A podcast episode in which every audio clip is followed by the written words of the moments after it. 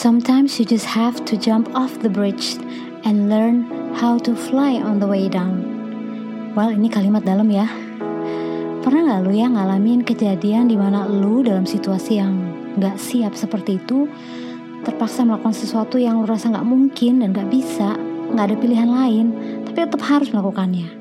Seenggak siap gak siapnya lu tetap you must go ahead and fucking do it. Gue pernah dong dan gak gampang sebenarnya naklukin rasa yang gak siap itu. Uh, seperti waktu gue harus berpisah selama-lamanya dengan rokok.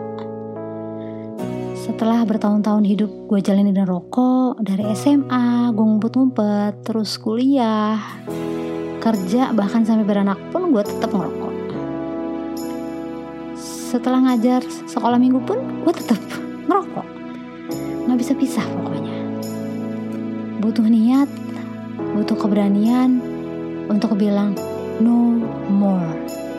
Karena uh, gue dihadapin sama pilihan saat itu tuh kista di tete gue yang mengharuskan gue untuk mengubah cara hidup gue. Susah ya Anyway, gue sih sebenarnya nggak bakal cerita soal rokok ya, tapi soal kenekatan versi gue yang lain ya. Kalau gue flashback, gue berasa nyali gue tuh boleh juga loh. Cie, kejadian-kejadian ajaib mandraguna gini yang bikin gue tuh kayaknya optimis gitu ya. Uh, sampai kayaknya memang pantas gitu kalau gue tuh sebenarnya jadi satpam. Mana ada satpam ngibrit lihat kecoa sama kaki seribu, ya kan?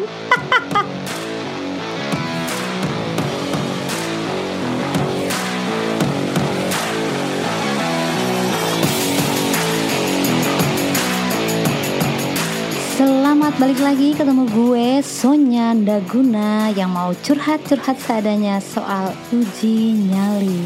Berapa orang yang ketipu dengan intro gue? Oke deh, meski nggak jelas, semoga berfaedah buat yang dengerin. Kalau orang Kristen bilangnya semoga terberkati Ingri ya.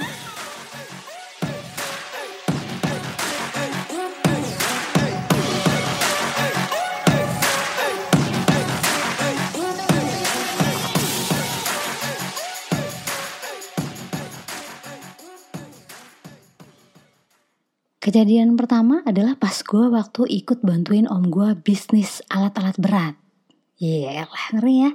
Jadi setelah gue sempet gawe di sebuah galeri di Kemang selama 2 tahun lah gitu ya. Katakanlah chapter 1 di industri seni rupa gitu. Gue tuh resign untuk bantuin bisnis om gue di bidang spare parts mesin diesel. Ngeri ya cewek gitu. Tapi ya itu gue bantuin om gue. Tujuan gue mulia gitu ya. Gimana gue gak masuk surga nanti coba lu bayangin aja ya anyway terus mungkin kalau orang kapal atau orang-orang orang-orang kapal ngerti lah gitu alat-alat perdiesel, perdiselan gitu yang ngerti yang namanya familiar gitu dengan yang namanya Detroit Diesel atau Caterpillar.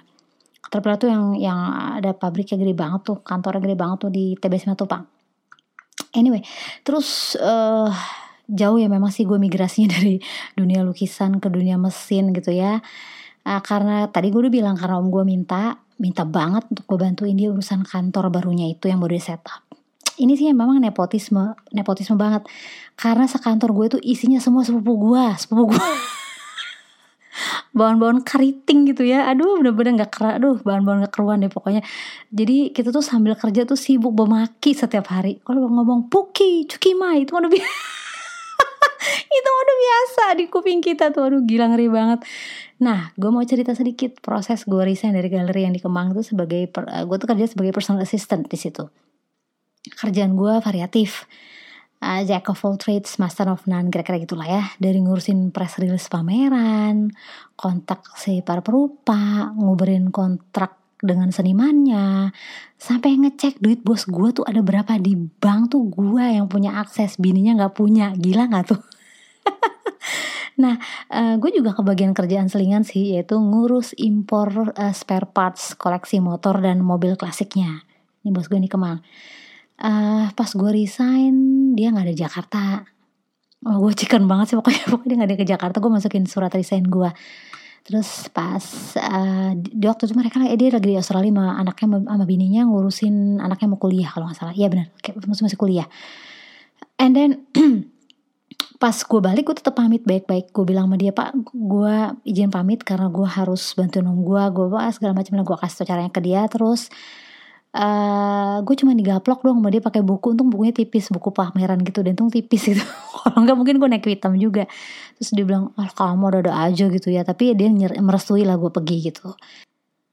Dia memang orangnya sih suka bercanda. Oh were like families lah gitu. Maksudnya dia kadang-kadang kalau ketemu gue pagi-pagi nih manggil gue morning bis. Morning bis. Gitu maksudnya manggil gue gue udah anggap bos sama dia. Karena gue yang ngasih perintah bapak harus gini bapak harus gini kayak gitu gitulah biasa pesan asisten gitu ya. Oke okay. balik-balik ke obrolan gue soal kerja mom gue. Akhirnya gue kerja sama dia sama sepupu-sepupu gue yang katro itu ya.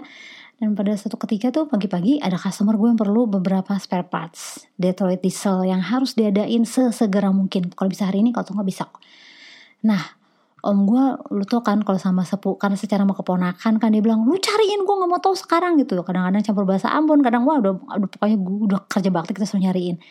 Nah ini proyeknya gede nih kalau ini dapat lu bisa dapat kita dapat kapal satu ngerjain kapal overhaul kata dia gitu. Wah pokoknya udah seneng banget ya uh, bukan satu malah tiga malah kalau nggak salah. Gila emang oh, jobnya tuh gila pada saat itu. Akhirnya kita udah cari mati-matian cari nggak ada dong di Jakarta di Diesel Jakarta juga nggak ada akhirnya kita gue ngubek-ngubek ke nyari di Singapura. Di Singapura uh, gerak cepat nih gue tuh seputar otak udah di Singapura beberapa toko akhirnya gue shortlist dapet dua dua toko yang gue bilang cukup harganya cukup bersaing terus komunikasi juga enak. Hari itu tuh uh, akhirnya gue memutuskan gue ambil salah satu ya yang gue pikir oke okay, harganya oke okay, terus gue uh, epic banget deh rusuh gitu hari itu. Akhirnya gue pilih satu satu toko itu eh, gue lapor kom gue diliputusin cepet sama dia dia harus bilang mana terus gue beli tiket booking tiket eh booking hotel. Terus malam itu juga gue guru berangkat. Ya karena ya karena lu tau nggak kenapa? Karena gue doang satu kantor bisa bahasa Inggris sama om gue goblos betul dong Ambon Ambon ya Ambon Ambon Priuk mana bisa bahasa Inggris? Gila loh ya maaf ya maksud gue Ambon mau saudara gue gitu loh jangan marah ya orang Ambon yang denger ini. Nah uh, akhirnya uh, gue berangkat sendiri um, dengan besok paginya bawa dengan harusan pokoknya besok pagi itu gue sudah ngebawa under deal itu gitu ya yang yang di harus diambil.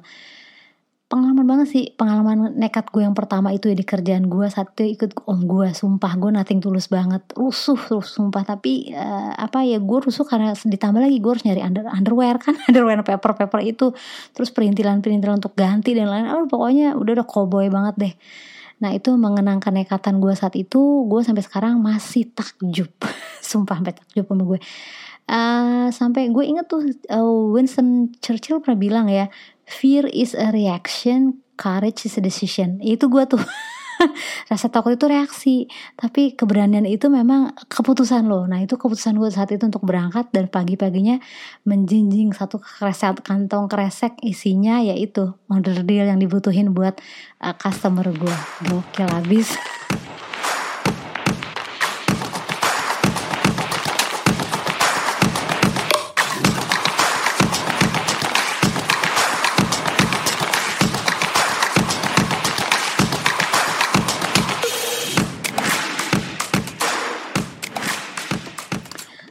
traveling solo gue emang sering lakuin sih. Bahkan sebelum kejadian gue harus ke Singapura tadi.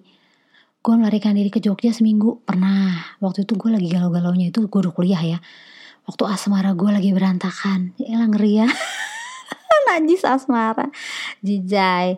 SMA pernah sih gue lari ke Pelabuhan Ratu sendiri waktu itu gue. Uh, ada saudara gue ada saudara di Pelabuhan kebetulan. Jadi gue nginep di sana. Hmm, itu gue juga lagi galau apa sih waktu itu gue gak ngerti. Terus waktu bete kuliah gue kuliah di salah satu sekolah negeri uh, sorry kampus negeri di Depok gue malah beli tiket kereta ke Bandung sendirian. Bengong-bengong gitu dari siang sampai sore di sana terus balik ke Jakarta di malamnya. Duh gue kalau inget tuh kalau bete tuh gue memang gila suka ngajar sendirian. Nggak jelas aduh nggak jelas banget Nah uh, setelah gue kerja kayaknya uh, hasrat itu dibaca kali bos gue jadi gue suka disuruh pergi-pergi sendirian. Uh, kerja sama om gue hampir 2 tahun gue merasa nggak nggak uh, betah gitu. Nggak ada challenge ya kerjanya ngurusin spare part gitu loh. Nggak enak lah maksudnya gue nggak ada challenge. Gue gue izin sama om gue gue mau nyari kerjaan lagi. Dan kebetulan uh, panggilan gue makanya lebih ke seni seni rupa industri seni gitu ya uh, gue min, uh, teman gue kebetulan salah satu teman gue tuh dia bilang cun cun ya ada lowongan kayak cocok buat lu deh cun gitu ya.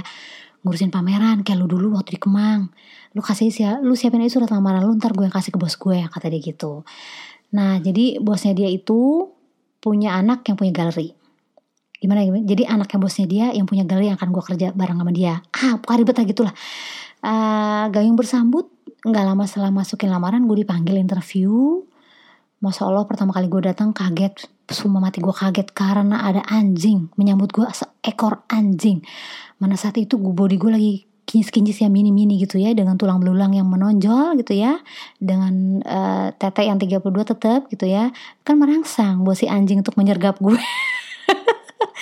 Anyway, pas gue di interview sama calon bos gue yang sekarang jadi bos gue, dia bilang lu tuh harus uh, you have to be thankful ke Pak uh, ya mm, itu ya yang karena uh, dia bilang ke saya bahwa kamu tuh uh, work ethicsnya bagus, integritas kamu bagus, terus uh, kamu senang terima tantangan, kamu kamu orangnya tegas itu yang kita butuhin kata dia gitu. Kata bos gue, calon bos gue saat itu yang sekarang jadi bos gue. Saya aku bahagia banget sih disanjung-sanjung sama bos gue yang lama.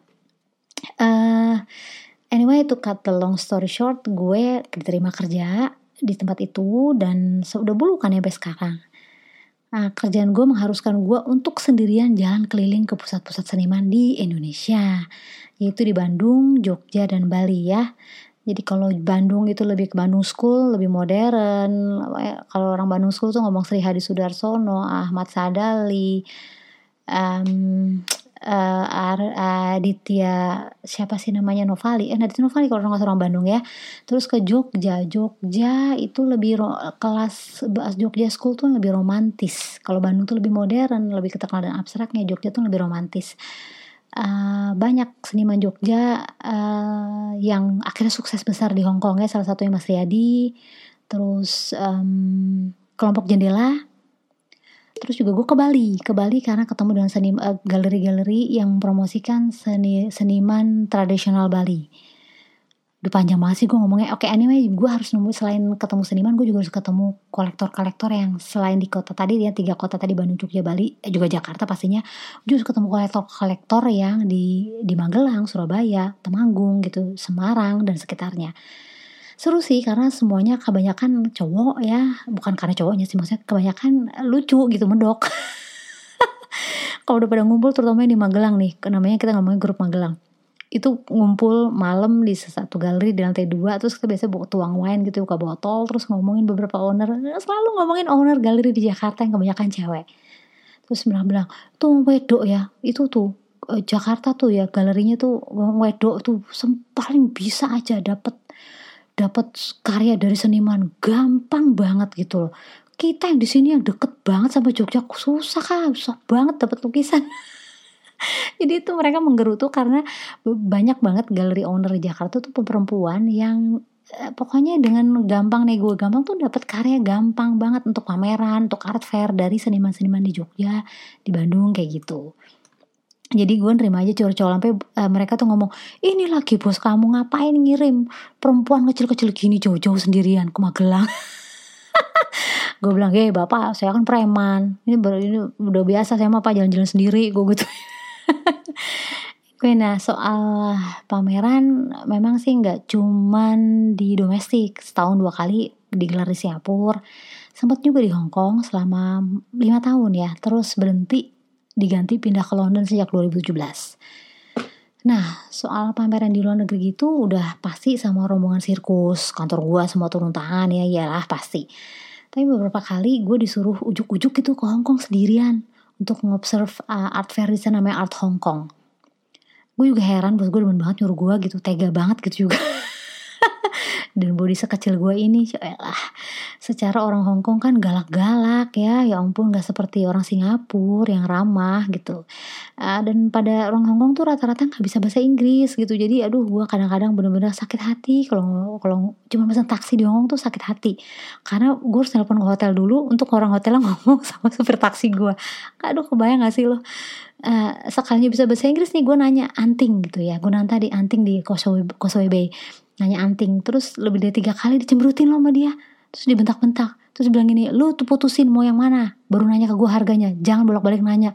Ya lo keji banget gak sih mereka? Aduh. Nah uh, yang paling lucu sih pas gue ke Korea. Gue harus ke sana sendirian uh, udah berapa tahun lalu tuh ya.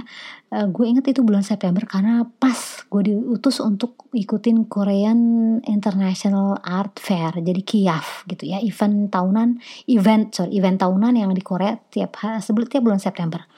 Ruang pamerannya segede-gede gaban gede banget. Aduh bener-bener. Uh, kita pernah sih waktu itu di sini di Jakarta di mana tuh ya? Di Senayan pernah ada juga Terus kalau ke Korea karena emang kantor gue kerja sama dengan beberapa galeri di Korea untuk uh, pameran. Jadi artis-artisnya mereka gue promote di Singapura, juga di Hong Kong. Nah tapi yang kirim gue, uh, apa sih pas ngirim gue sendirian ke sono ya bu gue rasa emang bos gue rada tega sih. uh, seperti gue sebenarnya seperti misi bunuh diri karena gue gak ngerti sama sekali bahasa Korea gue gak ngerti Uh, sampai di Korea ternyata orangnya ramah-ramah, terus banyak senyum walaupun mereka nggak ngerti bahasa Inggris, mereka nggak bisa bahasa Inggris sama sekali. Beda sama Hong Kong tapi ramah gitu orang Korea. Um, waktu pertama kali sampai di airport pagi-pagi dan muka bingung gitu gue ngelirik kiri kanan ada tuh orang Korea cowok gitu nyamperin gue kamu orang Indonesia dari Jakarta gitu dengan bahasa Indonesia yang cukup fasih gue kaget gue kaget banget terus mereka dia berusaha mingle dan gue mungkin mengatasi supaya gue nggak panik gitu ya keren juga sih gue bilang uh, eh, gue bilang gue gue udah di udah, di, udah udah ada jemputan sih dari transport dari hotel gitu. Ya oke okay lah transport gue datang gue pamit gue uh, nyampe hotel bersih bersih tidur sebentar. Uh, uh, baru gue siangnya gue ke ke Kiev uh, biasa ketemu-temu orang-orang. Bahkan surprise ini gue ketemu dengan salah satu-satunya galeri Indonesia yang partisipasi di Kiev itu galeri di Jawa Timur. Cewek juga lagi-lagi cewek ownernya ketemu dengan dia seumuran gue. Terus ya udah akhirnya gue bisa kalau gue keliling capek gue ngaso di tempatnya dia sebentar gitu. Uh, ngobrol-ngobrol sama dia. Ya begitulah pokoknya. Secara overall di Korea yang gue ingat ialah bersih jalanannya luas mobilnya kebanyakan Hyundai saat itu anak-anak sekolah juga pada rapi kayak yang di film-film Korea gitu. Uh, kebanyakan bening juga ya iyalah ya. Terus bokep di sana standar lah bokep lokal ya. Um, makanan lidah gue susah adaptasi sama makanan Korea atau makanan Cina. Jadi gue hanya bisa makanan McDonald atau berapa kali gue makan Jepang akhirnya di sana. Ada nggak yang makanan iya gue makanan Jepang kalau salah. Um, baru deh pokoknya gue nggak bisa makanan Korea. Uh, bareng sama anak-anak SMA gue di McDonald ngeri banget. Nah untung untungnya ya itu pengalaman gue gue berani gue berani untuk jalan sendiri gitu. Dan bos gue percayain gue untuk jalan-jalan sendiri uh, untuk menjadi mata dan kupingnya dia pada saat gue terjun. Yalah, terjun bebas ke dunia yang penuh tanda tanya. Ih ebet gede banget sih gue ya Allah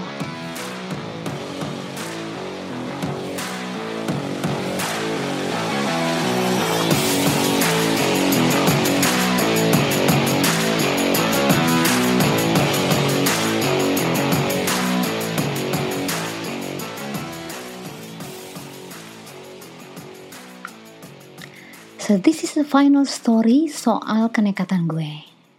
Ini agak kontras ya dari cerita gue sebelumnya. Karena berurusan sama conducting. Tahu dong ya, yang kayak ADMS. ADMS itu ya, tapi gue bukan conducting orkestra. Gue conducting choir. Ngeri ya. Dari SD sampai tua bangka tuh gue tuh paling alergi sama yang jadi namanya konduktor. Disuruh jadi konduktor aduh gue paling ogah SD tuh ada tuh namanya upacara bendera kan ya. Terus suka ditunjuk-tunjuk tuh ayo kamu tugas kamu tugas. Ih gue nggak mau gue ampe larian gue kagak bakal mau disuruh jadi diri hand gitu ya lagu kebangsaan Indonesia Raya. Aduh gue aduh kalau inget itu gue bener-bener sedih gitu ya gue nggak mau beneran. Uh, sampai hujan bekelir gitu. Istilahnya gue akan menolak gitu ya. Nah di SMP juga sama. Di SMA apalagi gue bangornya minta ampun di SMA nggak mungkin gue mimpin lagu Indonesia Raya pas upacara ini. Ngeri. Bisa-bisa langsung kiamat. Nah sampai dua tahun lalu itu ya gue tuh masih nggak punya nyali untuk jadi konduktor. Ini beneran. Karena selama ini gue memang aktif di choir. Tugas gue tuh cuma nyanyi. Mau sebagian bagi sebagai da, sebagai bagian dari paduan suara secara keseluruhan gue bagian sopran atau solois misalnya ya solois di paduan suara tuh ada solois itu gue juga bisa gue jabanin gue berani deh karena gue memang latihan vokal dan gue bisa gitu jadi gue ada kepedean gue lah untuk itu nah pernah satu ketika komisi remaja di gereja gue tempat gue melayani setiap minggu uh, berulang tahun. Setiap tahun pasti ada lah ya berulang tahun dan kalau ulang tahun tuh komisi yang bersangkutan tuh akan bertugas sebagai choir pemandu lagu jemaat pada saat ibadah syukur. Namanya choir pemandu choir pemandu lagu jemaat tuh namanya kantoria. Ya bahasa gerejanya gitu. Dan untuk memimpin kantoria harus ada namanya pro kantor. Pro kantor tuh yang namanya konduktor tadi atau dirigen ya. Nah, waktu itu udah ada nih tugas, udah siap jadi konduktor, udah latihan hari Sabtu Eh lu tau gak pas hari hanya Mama Mia minta ampun dia bilang palanya pusing dan minta diganti Secara hari Sabtu latihan sama gue. Gue yang mengendampingin anak-anak untuk latihan nyanyi. Dia bagian conductingnya sama organis. Ada satu organis. Lu gila gak? Di gue panik minta ampun dong. Gue udah mau nangis kejar lu kencing-kencing. Gue ke toilet. Gimana nih? Gimana? Tinggal setengah jam lagi dia bilang dia gak bisa dateng gitu kan. Ibadah jam 9 pula. Aduh. Akhirnya gue ketok dong ruang komisi anak. Please please bantuin dong. Ada nggak yang bisa bantuin jadi conducting nih? Ntar ibadah jam 9 lagunya gampang-gampang kok. Gue bilang gitu aduh akhirnya untung aja gue terselamatkan. Ada yang mau? Puji Tuhan haleluya. Pokoknya saat itu ada yang mau gantiin si temen gue yang gak bisa berhalangan karena pusing itu. Aduh bener-bener. Nah diulang lagi nih. Setelah beberapa bulan ada lagi kejadian. Sekarang komisi perempuan yang isinya ibu-ibu semua. Kena masalah konduktornya bukannya pusing tapi sekali ini konduktornya dia kemudian konduktor mereka ngambek nggak mau pelayanan gue nggak ngerti gara-gara apa mungkin gara-gara ada pertikaian atau ada emak-emak ya pertikaian antara mereka jadi mereka dia ngambek nih si ibu konduktor ini nggak mau jadi konduktor nggak bisa nggak dirihan pada saat itu Aduh bener-bener dia emang perasaan perempuan sensitif banget ya kalau ngomongin enak dikit ngambek-ngambek pelayanan gila. Nah padahal tuh choirnya udah siap pelayanan juga pada saat itu. Terus ketua komisi perempuannya panik dong dia tuh naik uh, terus dia manggil gue. Gue lagi pelayanan di sebelah komisi remaja terus dia lari-lari ke tempat gue. Tolong dong tolong tante minta tolong gantiin si tante ini nggak bisa. Aduh si tante itu ngambek gitu. Nah kebetulan si ibu ketua ini memang teman satu paduan suara sama gue ya. Jadi dia minta tolong-tolong gue bilang ya sio tante. Mana gue berani? Kagak bakalan ya. Suruh yang lain aja maaf gue nggak bisa. Gue bilang gitu. Uh gue udah sama sekali gue nggak berani. Kicep lu boleh suruh gue ke Korea tapi jangan suruh gue naik mimbar untuk jadi konduktor. Nggak bisa ngeri. Tapi uh, kalau suruh nyari ok, nyanyi oke okay. tapi kalau suruh suruh diri hand oh my goodness nggak bakalan gue mau. Gue masih tahu diri secara gue nggak pernah kursus nggak pernah belajar. Gue cuma ikutin konduktor gue ngapain gue nyanyi ya. Uh, kalau basic-basic aja sih gue ngerti karena kalau nyanyi kan pasti kadang-kadang kita tuh tangan kita ngayun ngikutin tempo. Itu gue bisa tapi nggak mungkin mimpin jemaat gila ngeri. Nah akhirnya uh, ada sih yang gantiin tante yang ngambek itu. Anggota padusnya juga dengan keterbatasan dia puji Tuhan dia dia bersedia untuk ganti. Ya gila lah lu tinggal mau naik pelayanan tiba-tiba ada yang ngambek kan ya. Nah tahun lalu choir komisi perempuan nih akhirnya mendekati gue lagi. Minta tolong bantuin jadi konduktor. Karena takut kejadian ngambek-ngambek keulang lagi. Aduh gue tuh memang pada dasarnya gue gak tegaan tapi gue juga kadang-kadang ada nekatnya juga gitu ya. Ada unsur nekat dalam hati gue masa sih gue nggak bisa? Masa sih gue sebego itu? Masa sih gue nggak sepede itu gitu? Ya nggak nggak pede gitu ya. Akhirnya gue oke okay lah gitu. Toh yang gue layani kan Tuhan sama jemaat gitu. Cuy lah ngomong gue beres banget. Tapi gue akhirnya gue beranikan diri. Oke okay lah tante gue coba. Kalau uh, walaupun sempat berargumen juga sih tante waras ya waktunya waktu minta gue. Secara gue curhat gue dari SD sampai sekarang tuh nggak berani nggak berani sama sekali. Tapi akhirnya gue bilang sama dia kalau tante tanggung jawab kalau nanti dikomplain sama pendeta sama jemaat ya sama organis gitu ya sama komisi musik gereja tante siapin tangan ya siapin tangan e, bantu gue atau minimal tante siapin body ya. Kalau ada komplain akhirnya dia bilang iya udah gak apa-apa tante tanggung jawab kata gitu. Akhirnya gue setuju bantuin mereka jadi konduktor. Latihan gue otodidak. Gue liat di YouTube latihannya terus bikin coret-coret di partitur pakai eh, pakai spidol ya. Merah hijau. Supaya warnanya jangan hitam yang penting supaya gue nggak lupa. Terus latihan berapa kali soal metronom dan tempo gitu. Akhirnya saat yang paling menggelikan itu tiba. Jreng! Gue dapet jatah prime time jam 9 pagi. Aja gile pendeta dari luar pula. ya ampun yang gue inget satu cuma satu saat itu ya. Tuhan jangan bikin malu hambamu ini. Jangan please. Maksud saya murni Tuhan hanya ingin melayani Tuhan dan juga jemaat. Jadi please help me. Itu doa gue satu cuman itu. Prinsip gue gini kalau ntar di eks, pas eksekusi separah-parahnya gue nanti conducting gitu ya kan masih ada organis. Jadi tempo nggak lari-lari amat gitu loh. Aduh pengalaman per, pengalaman pertama memang tidak pernah terlupakan. Kalau rekoleksi nih ya pertama pengalaman pertama naik itu pengalaman pertama gue naik ke mimbar. Mimbar kecil maksudnya ya podium podium kecil soalnya bukan mimbar podium kecil. Lalu minta choir gue berdiri cia dengan tangan gue lalu mengarahkan tangan gue ke organis untuk ngikutin tempo yang gue kasih. Terus menghadap ke jemaat deh untuk nyanyi sama-sama. Ih ngeri ya kalau ngebayangin. Epic terus tapi emang lucu eh, saya gue jadi belajar oh begini gitu ya. Dan ternyata jemaat ngikutin loh tangan gue meskipun mata mereka juga ngeliat ke slide.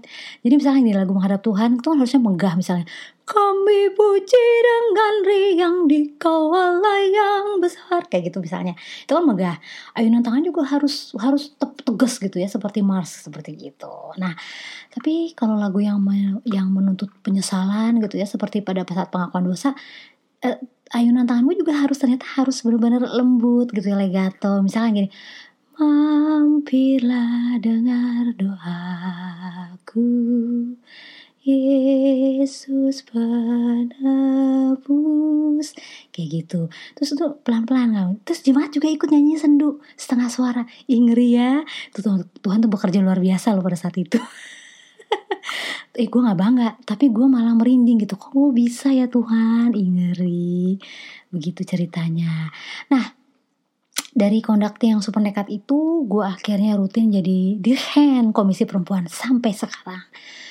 Uh, pada salah satu pelayanan kami uh, seorang ibu tuh seorang bukan seorang ibu seorang cowok bapak-bapak tiba-tiba nyamperin gue terus minta tolong usi Bisakah Usi jadi dirihan untuk upacara pelantikan komandan minggu ini? Katong latihan besok. Senin, uh, lalu pelantikan hari Selasa. Usi bisa kaseng. Kebetulan ini orang-orang Ambon ya. Uh, jadi gue diminta jadi konduktor acara acara pelantikan komandan di suatu korps lah gitu ya. Dan ada paduan suaranya, ibu-ibu anggota ya, dengan anggota juga beberapa anggota cowok ikut nyanyi lagu-lagu Nusantara, lagu perjuangan seperti itu. Gue sih pertamanya gue ngeri gitu. Gila gue baru berapa kali jadi konduktor di gereja terus ditembak suruh jadi konduktor pelantikan serah terima jabatan gitu komandan gitu kan. Aduh ngeri banget. Tapi secara gue orang orangnya terinspirasi dari kenekatan kenekatan gue sebelumnya gue hajar beli oke bung beta mau gue bilang gitu kan. Akhirnya gue ne nekat lah gue ikut latihan hari Senin terus selasanya eksekusi uh, didampingi sama pelatih paduan suara ibu-ibu anggota itu sih yang udah om-om gitu om-om udah lansia gitu. Jadi dilatih gue cuma bagian conductingnya aja. Lumayan dapat duit 2 juta bo cuma ikut upacara dari jam 8 sampai jam 10 latihan ah, berkesan sih latihan sama emak-emak ya, istri anggota tuh berkesannya ya satu ribet. Mereka sesekali latihan mereka sibuk besok pakai baju apa? Besok pakai baju daerah apa? Gitu. Aduh udah ribet deh. Uh, ya malam juga ibu-ibu muda ya mungkin umurnya sekitar 20-25 tahun gitu ya secara gue cuma konduktor ya gue pasti pakai baju adat gue lah ya adat Maluku Tenggara gitu ya. Uh, berkesan berkesan lah. Upacara tadi gue bilang dari jam 8 sampai jam 10 uh, eh, luar biasa.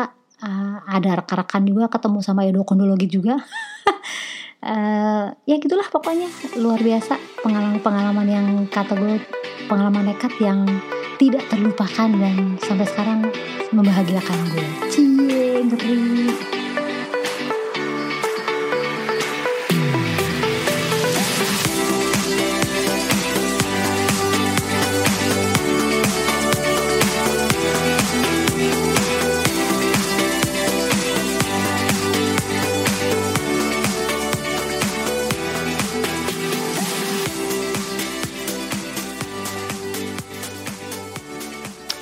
Ya segitu aja sih kisah kasih Nora tapi niat dari gue. intinya ya kalau kita nggak berani mulai terus kapan kita bisa tahu seberapa jauh kita bisa mencapai sesuatu? Sampai seberapa jauh kita bisa menanggung segala sesuatu? Conclusionnya your only limit is you. Dan uh, nyali lu itu sebenarnya aset lu. Nggak pernah ada kata tua untuk memulai sesuatu kadang nyali kita justru ditantang oleh ketakutan kita sendiri. Gue ngalamin itu berkali-kali. Termasuk besok nih gue harus operasi geraham bungsu. Kalau inget itu operasi gue ngeri banget gue takut gila. Tapi semoga untuk hal ini pun gue masih bisa ngumpulin nyali. Segitu aja dari gue. Tetap sehat tetap nyaman tetap bernyali ya. Oke okay, that's me Sonya Naguna for this episode of Kemban One. Bye now